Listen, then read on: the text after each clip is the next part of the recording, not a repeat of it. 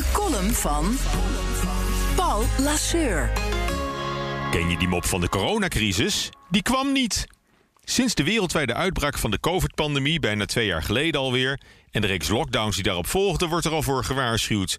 De diepste economische crisis sinds de jaren 30 van de vorige eeuw. Waarmee het beeld wordt opgeroepen, in zwart-wit, van totale wanhoop met lange rijen bij de sociale diensten voor de gaarkeukens. Je zou haast niet beter weten of Nederland en de rest van de wereld balanceert al twee jaar op de rand van de afgrond. Ondernemingen hadden al lang bij bosjes failliet moeten gaan. Die grimmige crisissfeer wordt intussen flink aangewakkerd door pers en parlement. En alle demonstraties en protestacties van boze burgers, winkeliers of horecaondernemers. Alleen, van crisis is helemaal geen sprake. Economisch staat ons land er juist verrassend goed voor.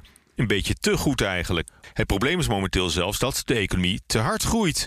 Wat weer gepaard gaat met allerlei groeipijnen, zoals inflatie en schaarste aan grondstoffen, goederen en arbeid. Personeel is niet aan te slepen. De werkloosheid is uitzonderlijk laag. De aandelenkoersen blijven maar stijgen.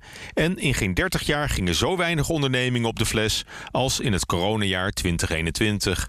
Want ondanks COVID, ondanks de lockdowns, gingen slechts anderhalfduizend bedrijven failliet vorig jaar, meldde het CBS woensdag. Een jaar eerder waren dat er nog bijna twee keer zoveel. En dat was ook al weinig. Van de enorme faillissementsgolf, waar nu al bijna twee jaar voor wordt gewaarschuwd, is vooralsnog geen enkele sprake. Integendeel, met name in de zo zwaar beklaagde horecasector was het aantal faillissementen opvallend laag.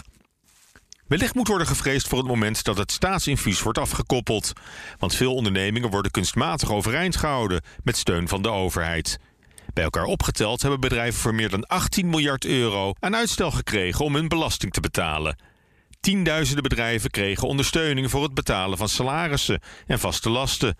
Dat houdt een keer op. Maar de wereld waarin al die ondernemers straks uit hun coma ontwaken, staat er economisch alweer een stuk beter voor dan twee jaar geleden. Er is werk zat, dus het hoeft geen uitstel van executie te zijn geweest.